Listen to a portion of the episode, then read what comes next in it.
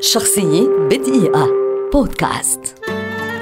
بروس لي الملقب بالتنين الصغير ممثل فنون قتالية صيني الأصل الأمريكي الجنسية ومعلم الفنون القتالية ويعتبر الأكثر شهرة في هذا المجال ولد عام 1940 دخل عالم التمثيل في العديد من الأفلام في الخمسينات عندما كان لا يزال طفلا.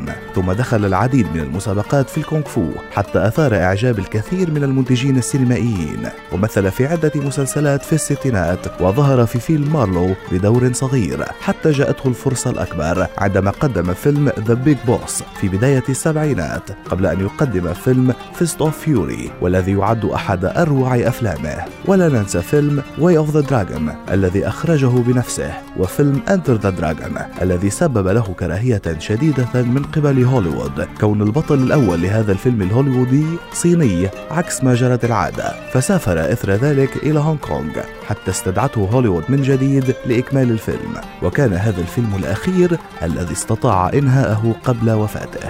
عام 1973 وأثناء تصويره لفيلم Game of Death قضى بروس لي بشكل مفاجئ وهو في ريعان شبابه بظروف غامضة ولا زالت حقيقة موته لغزا حتى وقتنا هذا. لكن الحقيقة الواضحة التي لا يختلف عليها اثنان تقول أن بروس لي شكل أسطورة في الفن القتالي وأثر بجيل الشباب من كل أنحاء المعمورة. وله تماثيل شيدت في هونغ كونغ والبوسنة والهرسك وغيرها من دول العالم. شخصية بدقيقة. بودكاست.